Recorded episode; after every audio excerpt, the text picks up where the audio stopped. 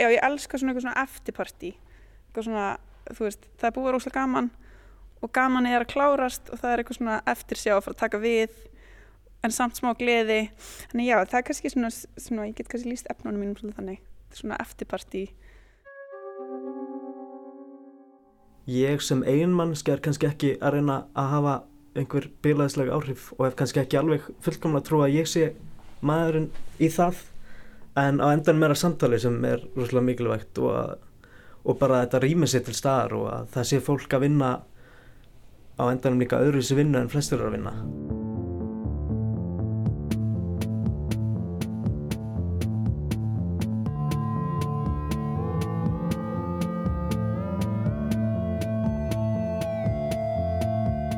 Velkomin í Orð, Eftirparti og Drauma.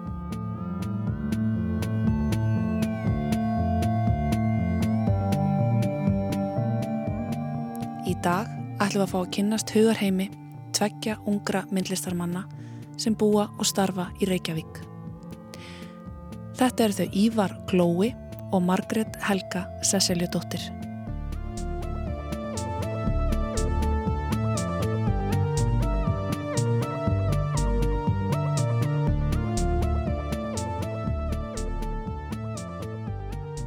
Ég heiti Margret Helga Sessildóttir og ég er á fyrsta ári í myndlist í listáskólum í mastersnáminu. Og við erum stödd hérna í stúdíunum mínu. Og ég er útskrifast úr bíanámi árið 2010 og er núna já, í mastersnámi. Ég hérna, mér finnst rosa svona uh, rosa skýri tengsla milli tísku og myndlistar. Og og ég bara svona, eftir því sem ég er eldri þá bara meira er ég meðvitaðar um það. Og svona ákveðin svona ákveðin tísku ströymar og, og ákveðin svona tíðarandi sem er einhvern veginn í myndlist sem, að, sem ég verður tengjast rosa mikið hönnun og, og popkultúr og svona, já, þannig ég bara er svolítið, ég er svolítið mikið að vinna með það í minni, svona, minni fagfræði held ég. Þetta var svolítið bara henduleika þar sem ég á bann og það var bara svolítið fínt að vera hérna en ég er mjög ánað sko með námið og rosa gaman og góð stemming og, og bara já, mælu með því. Ég ætla nefndi að vera læknir en samt aðalega myndlistamæður læknispælgin var aldrei var aldrei mjög alvarleg sko.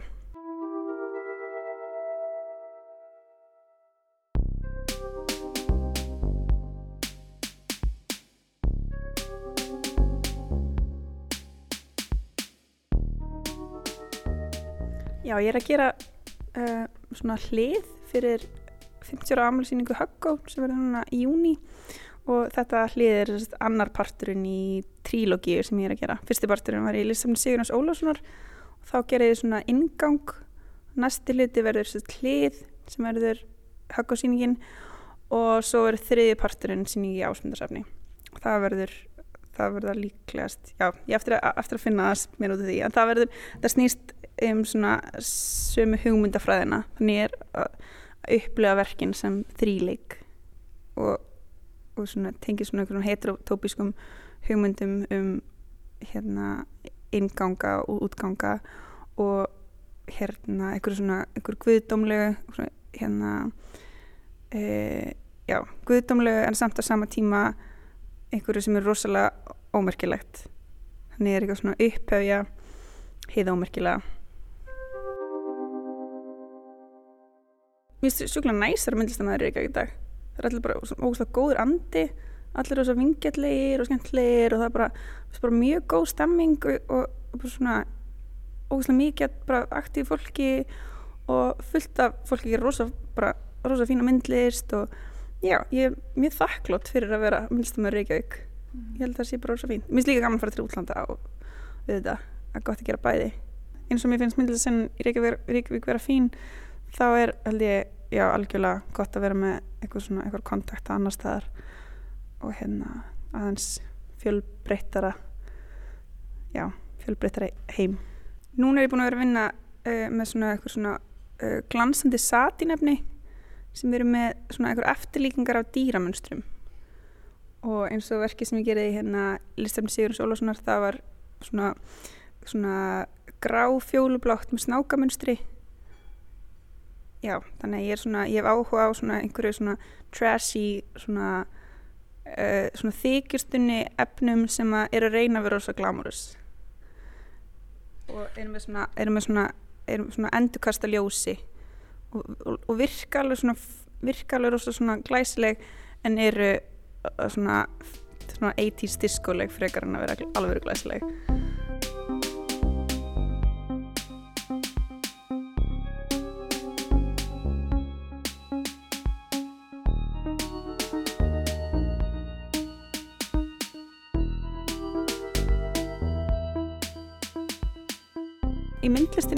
þá er ég svolítið mikið bara meðvitið um uh, tengsl myndlistar og hönnunar. Það er eitthvað sem að ég veit ekki, myndlistamenn stundum vilja aðgrunna sig mjög mikið frá hönnun. Mér finnst það alls ekki. Mér finnst það svona myndlist og hönnun og popkultúr og, og bara tónlistar senan og bíómyndir, allt bara eitthvað neinn þú veist það er eitthvað svona, eitthvað svona flæð á milli. Og hérna uh, svona, tísku, uh, svona tísku ströymar og, og mér finnst það gett frábært og eitthvað svona heip, heipstra tíska og, og hérna já, svona, svona alls konar hlutir sem er verið í tísku sem, er, sem að, þú veist, er kannski hallarislegir eða eitthvað svona, eitthvað svona verður rosa heipstralegt og, og hérna og ég hef áður þessum tengslum við myndlist. Og internetið náttúrulega kannski er hérna eitthvað svona mjög gott dæmi um þetta. Bara svona já, bara svona alls konar mér finnst það alltaf vera, alltaf vera sama leveli. Mér finnst það vera allt jafn mikilvægt. Mér finnst það vera sko mér finnst eitthvað svona ömuleg mým og, og hérna eitthvað svona hipsterabarir og, og svo eitthvað svona ótrúlega glæsileg myndlist að söpnum mér finnst það allt svolítið vera svona sama stað mörguleiti mm -hmm. því ég sé alveg svona ótrúlega skýr tengsla millir þess hvað verður í tísku hjá myndlistamennum af því það verður mjög oft í tísku svona mainstream eftir tvö ár. Eða þú veist það er bara eitthvað svona já ég er svolítið að horfa til þess. Tísku í myndlist og tísku í hönnun og, og bara í lífinu almennt við hverstagsleikanum og, og hvernig við klæðum okkur og, og þetta, þetta allt saman ótrúlega áverð og hérna og mjög, já ég fæ mjög mikið innblástur frá því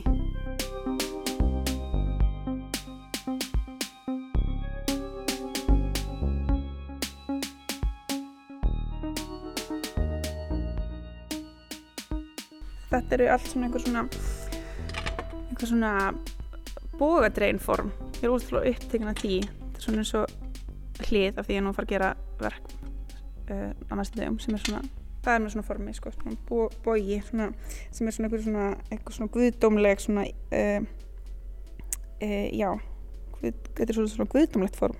Og það er svona tákgrænt og getur tákna útrúlega margt. Og svo tengist þetta líka bara svona útrúlega vennilegri formfræði sem sjáum allan daginn. Það er allstað svona form, þetta er ekkert sérstækt Þetta getur alveg verið brotur ykkur um svona plastlampa í postmoderniskum stíl. Herri já, akkurat, þetta er það er rétt sér þetta er af ykkur ljósi.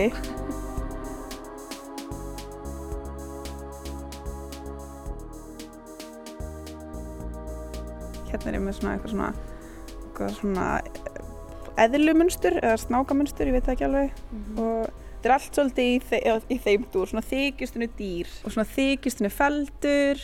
Þetta er allt svona, e e þetta er eitthvað svona sem er næstum því flott. Ger, hvítt gerfileður hérna svona glansar og mjúkt og svona eitthvað svona partystemming já, ég elska svona eitthvað svona eftirparty eitthvað svona, þú veist, það er búið róslega gaman og gaman er að klárast og það er eitthvað svona eftir sjá að fara að taka við en samt smá gleði.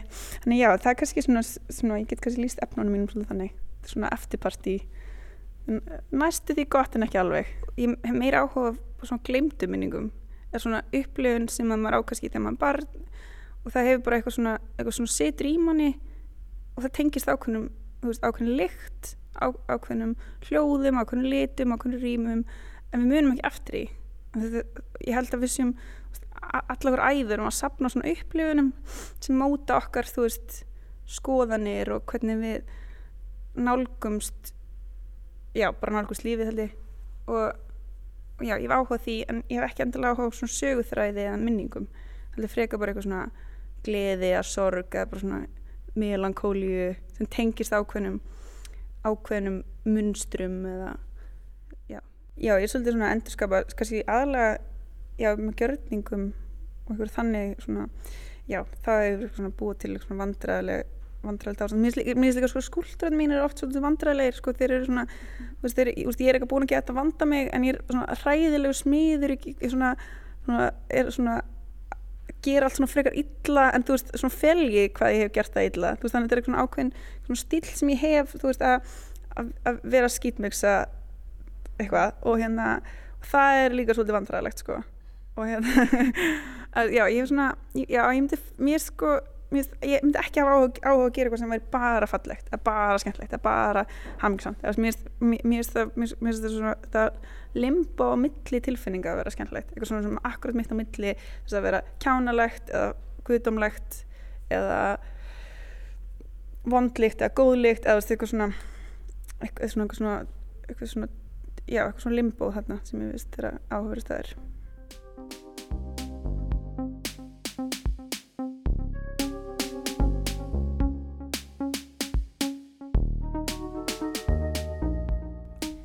Vinnuferðli mitt er svolítið mikið að ég vinn út frá ákveðinu staðsningu, úst, ég veit hvað ég er að fara að sína, ég veit í hvernig, úst, nákvæmlega hvað, úst, hvernig rýmið er og svo ger ég verk sem að passa akkurat fyrir það rými.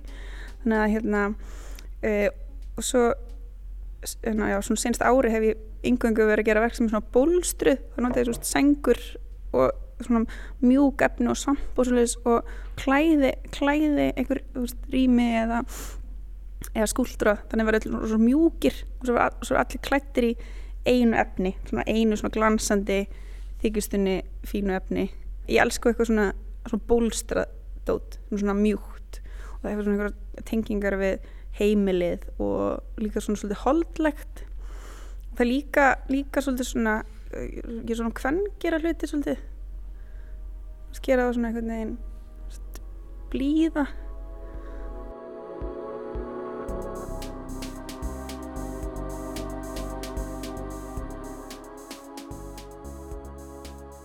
já ég held að listamenn sé mjög mikilvægir sko. Auðvitað. Uh, en það er ekki neitt eitt hlutverk held ég. Við erum öll mikilvæg alveg saman hvað við gerum. Hvort, veist, hvort, hvað starfstjétt sem við tilhengum og mér finnst kannski ekki endilega gott að vera mikla hlutverk ákveðins hóps að því við erum bara öll, þú veist, tilherum öll bara einhverju svona samfélagi hérna. Um, já, og svo E, e, um leið og kannski listamenn fara að hugsa eitthvað já, hlutverk okkar að gera þetta, þetta. Eða, veist, þá bæðir er þetta svona mikilmennsku brálaði þess að við sem ósla mikilvæg og, hérna, og, og líka þá er maður kannski ekki að gera það sem maður vill beilinlega skera þá er maður ekki að fylgja ástriðusinni þá er maður frekar eitthvað svona að, að þjóna einhverjum almenna, almanna hagsmunum sem ég held að sé ekki endilega gott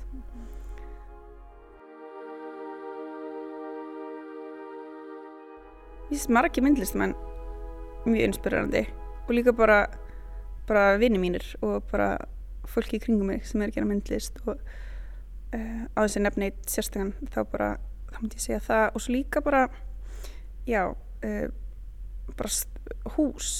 Hús ótrúlega inspirandi húsgögn og og, og svo leiðis líkt, minnst líkt svo skriði og, og tónlist.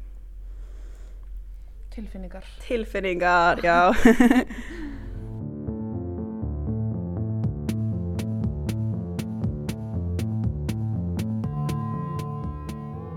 hugsa mikið um upplöfun áhörundans. Mér finnst það að vera, það er alveg svona gengið mikið út frá því og, og já, ég hef áhugað því hvernig hlutir og staðsendingar, hvernig, hvernig það, hver, hvort það hafi áhrif yfir höfustum hefur engin, oftast hefur engin áhrif.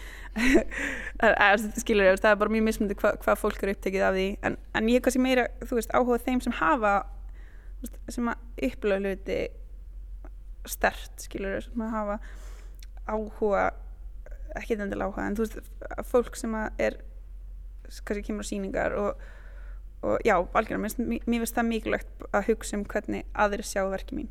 Því að, ég veit ekki, ég er ekki bara inn í einhverju, einhverju bublu eða þú veist, ég mér finnst áhverð að sjá hvernig aðrir sjá það sem ég geri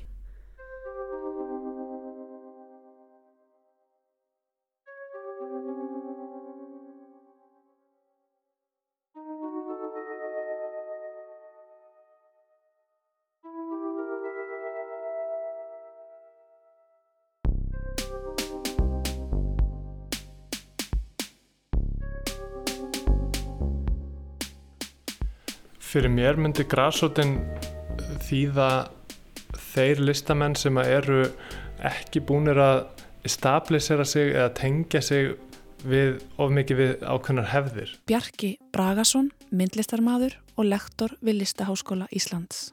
Og þetta eru, þetta eru listamenn í ákveðnum starthólum á sínum ferli.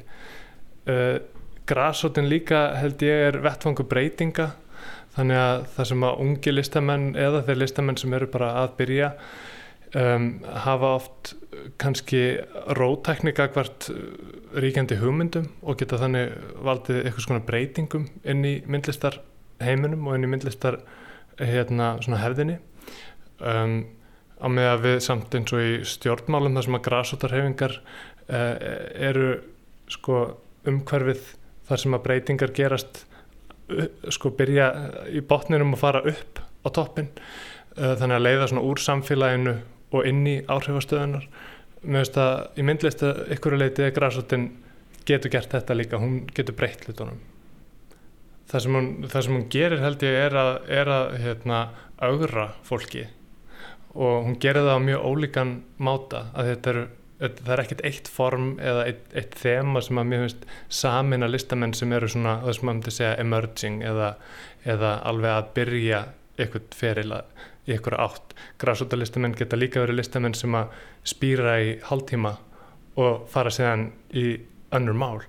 En, en þetta, er, þetta, er, þetta er það sem að augrar ríkjandi hugmyndum okkar og það er svona getur verið erfitt að kljást við uh, hérna myndlist sem að fólk veit ekki nákvæmlega hvað á að staðsetja.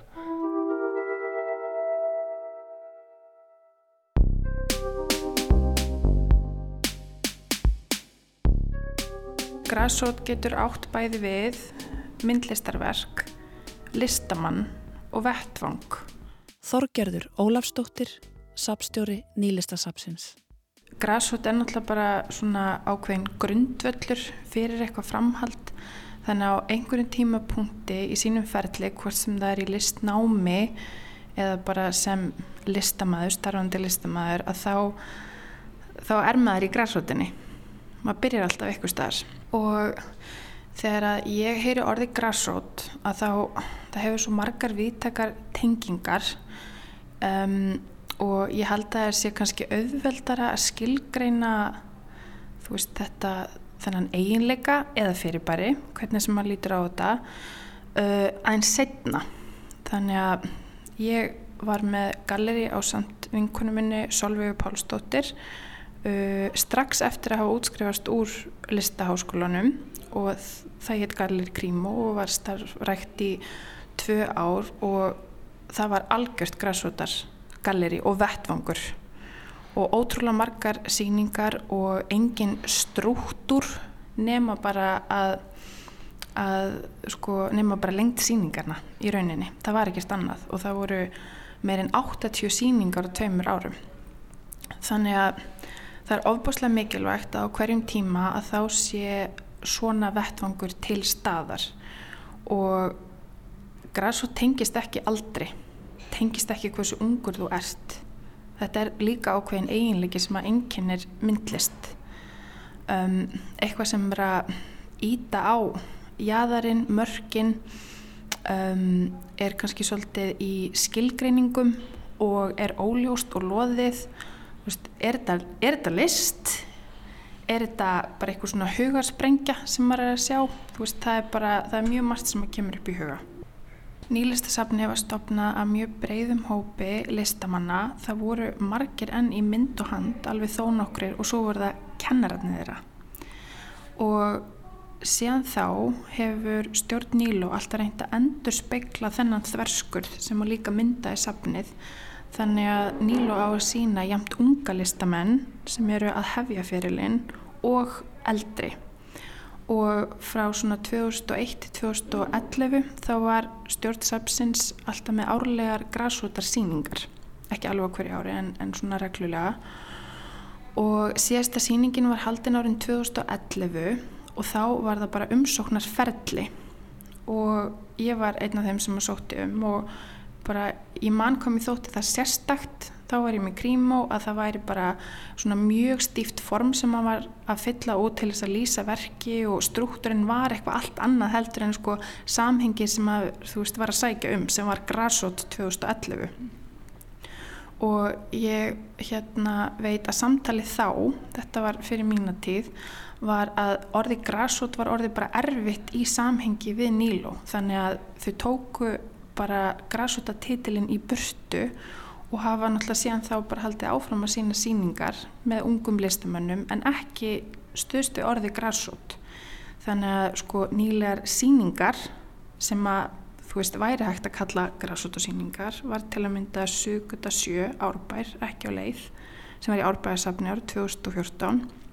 það var þegar við opnum nullið eh, neðanjörðarhúsi í bankastræti 0 2015 og núna á ammaliðsýningun okkar að þá kölluðum við eftir nýjum verkum eftir listamenn sem hefur verið starfandi í 5 ár eða skemur, þetta var bara óháð aldri, bara hversu sko langur starfsferillin var, það var það sem að skipti máli og það eru sjö listamenn sem að, hérna, við völdum úr mjög breyðum hópi og þau mynda svona svolítið uppustöðuna að ammaliðsýningunni og verða í samtali við hérna, verk og safning.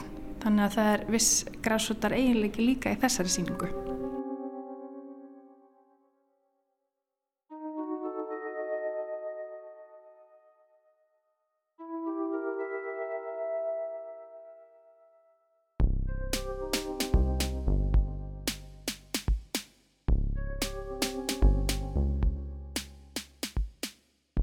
Já, hei, ég heiti Jörglói, ég útskæðist fyrir fjórum árum um, og er síðan þá búinn að fór í starfsnám til Berlínar hjá hann Agli Sæbjörns. Svo fór, pröfaði ég mastersnám í Malmö sem ég hættir svo í og er búinn að vera hér í tvö ár. Og er bara með vinnustofu hér á Nýlandgötu.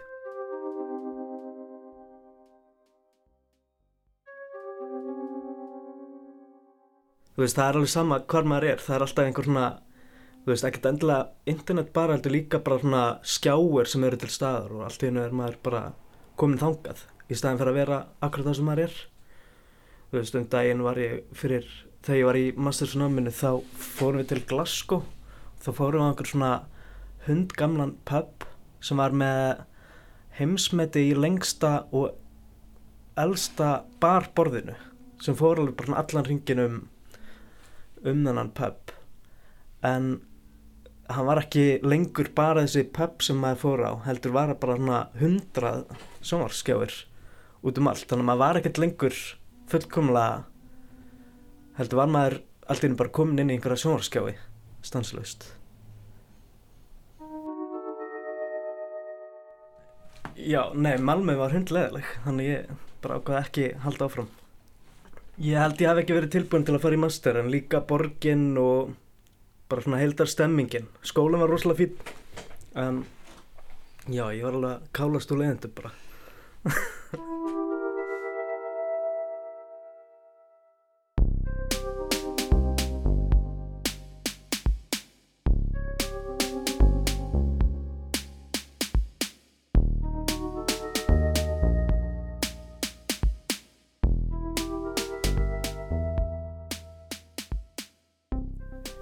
síðasta síning sem ég var með á Íslandi var í Bismut síðasta haust og það samanstóð af þremum skúlpum sem hengu upp á loftinu og voru einlega loftljós eða voru loftljós.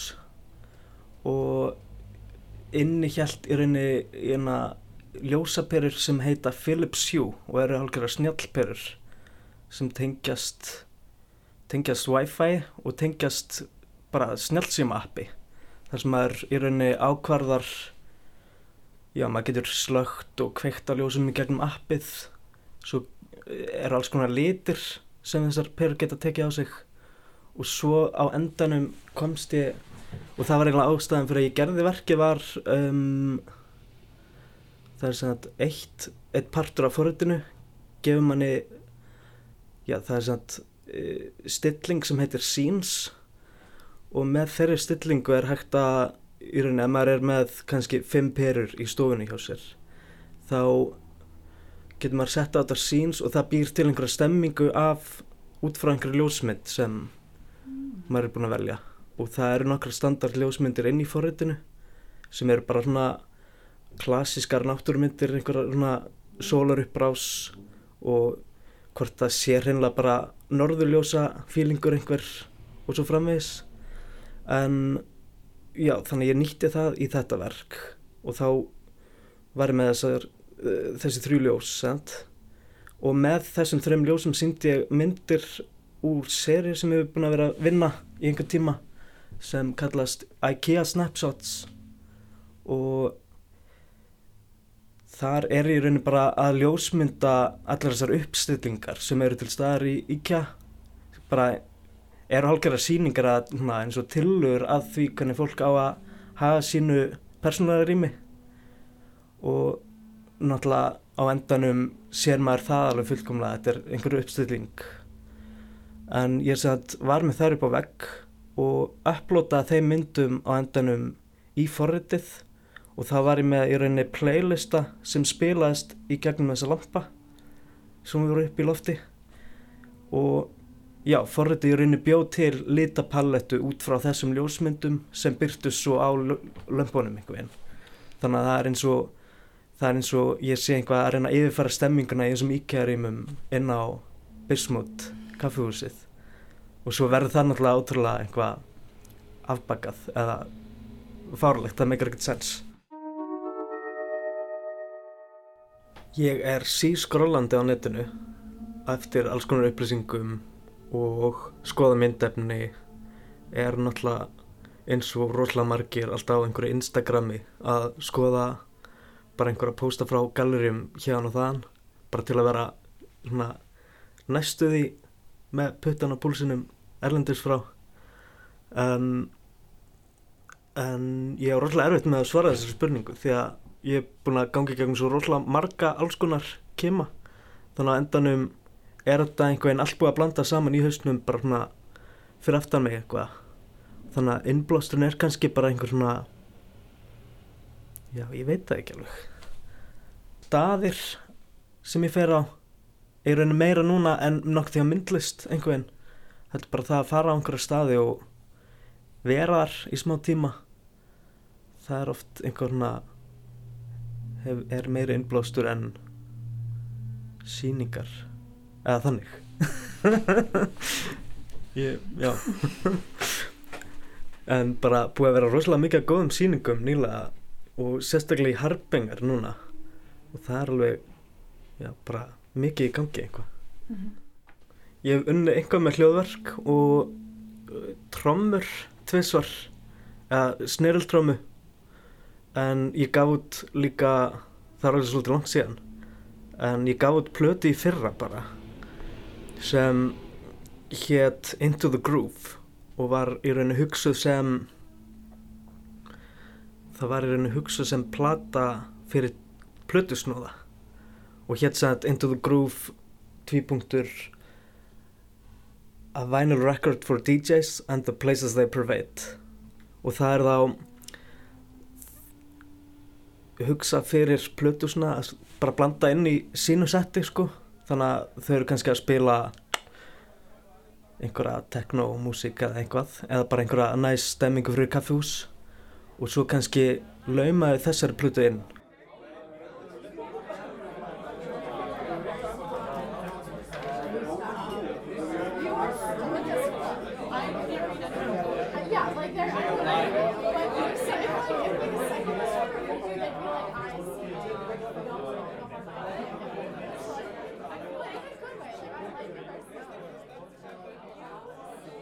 og það er eiginlega bara þetta er svona plata sem er bara 8 mínútur af klöðri í fólki sem ég tók upp á bar í Reykjavík.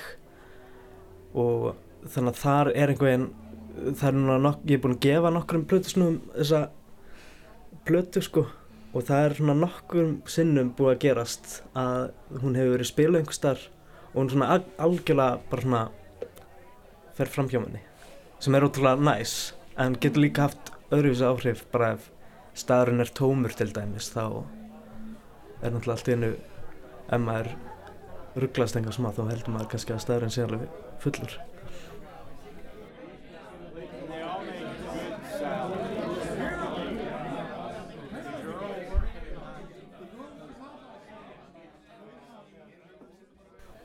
Ég ákvaði ekki beint, ég bara liti eitt af öðru í rauninni.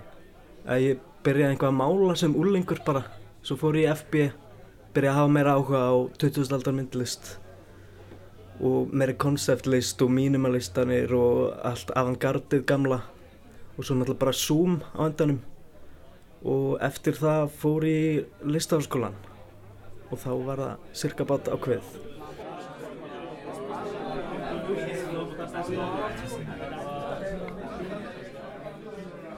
Já, ég samt fór aftur til Malmö í fyrravetur í desember og var með engarsýningu í speysi sem heitir Delphi og er á nokkrum ungum listamönnum þar. Og endanlega samfæðist á að ég ætti kannski ekki að vera þar mikið meira eða koma ánga einhvað aftur. En ég sagði að þekkja hann þá alveg fullt af fólki sem býr þarna. En stemmingin var alltaf svolítið að vera ekki að mæta endilega á allar síningar eða þú veist það, fólk, það var ekkert stemming fyrir því að mæta opnanir eða fara saman á tónuleika eða þessuna bara þessi einfaldi hlutur að fara á pubin saman eða eitthvað. Heldur voru allir bara heimi í kósi eða eitthvað? Ég veit ekki alveg hvað hvað þau voru að gera alltaf en ég held saman þessu síningu og kom bara ógeðslega fáir. En ég tók rosa goða myndir af síningunni og þá er það bara eina sem skiptir máli. Og ég meina ég gerði heila síningu sem var alveg bara mjög fínt en, en það var alveg svolítið magnað að já, var búið hann í ár og svo bara svona ég hitti nefnilega alveg nokkra á að því fór á listasafnu hana og þá hitti ég nokkra sem voru að vinna á listasafnu og voru bara svona já, að ég kemst eða ekki einhvað, en voru samt ekkert að fara að gera neitt, þú voru bara einhver svona að fara að kíkja einhvað parti og ég var bara óksla full mjög leðileg ferð. Uh, reyndar alveg skemmtilega en svona skrítið mjög skrítið ég er núna að vinna í alveg fullt af tillögum að nýjum síningum sem svo bara endanum kemur ljós hvort það verði eða ekki en svo er ég að vinna að uh, síningu með Agli Sæbjörns sem verður í sem verður partur af listáttið verður hérna í ferðarými hálgjörðu og verður partur af prógrami sem Annabelle og Kathy Clark er að vinna að. Og verður á viðadreifin bæin í glukkum alls konar og ég og Egil verðum sett með espresso bara í einum af þessum glukkum sem eru samt í rauninni þetta er mjög góður staður því að er, þau letu endur smíða window gallery spacið sem Kathy Clark er að reyka sem er á hverjusgötu held í hverjusgötu 37 góðleika og þetta er rauninni bara endur smíðuð útgafa af því rými bara fronturinn á því. Þannig að þetta er rosalega sviðsett. Og já þannig að við erum að vinna svona take away espresso bar þar sem botlunum kostar 100 kall og verður full, bara alveg tróðfullur af verkum eftir okkur og verður opinn í tvær vikur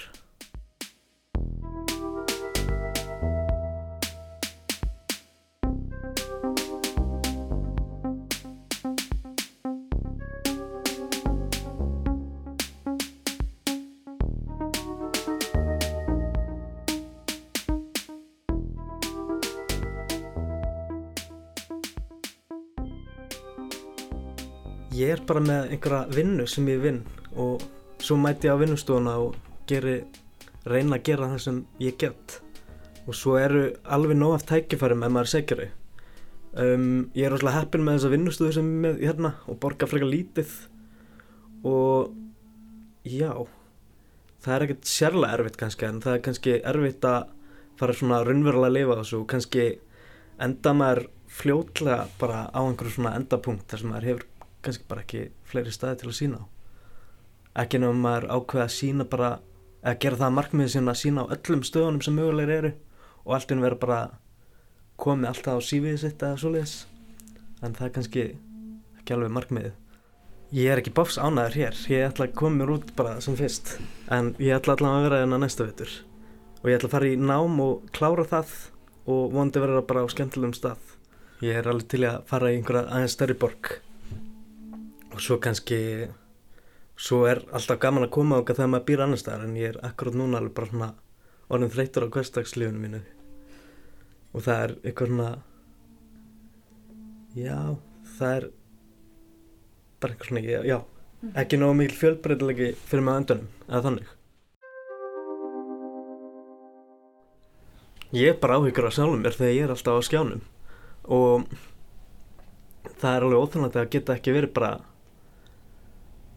já.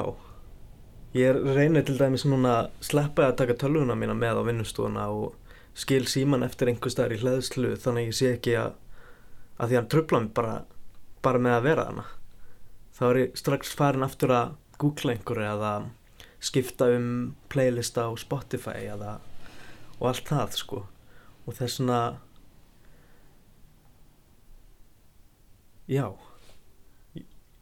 Ég hef alveg áhyggjur af því ég er með rosalega stutt attention span eða hérna, hvað, hvað maður kallar á íslensku? Hérna já, aðteglisgáfi mjög lélega aðteglisgáfi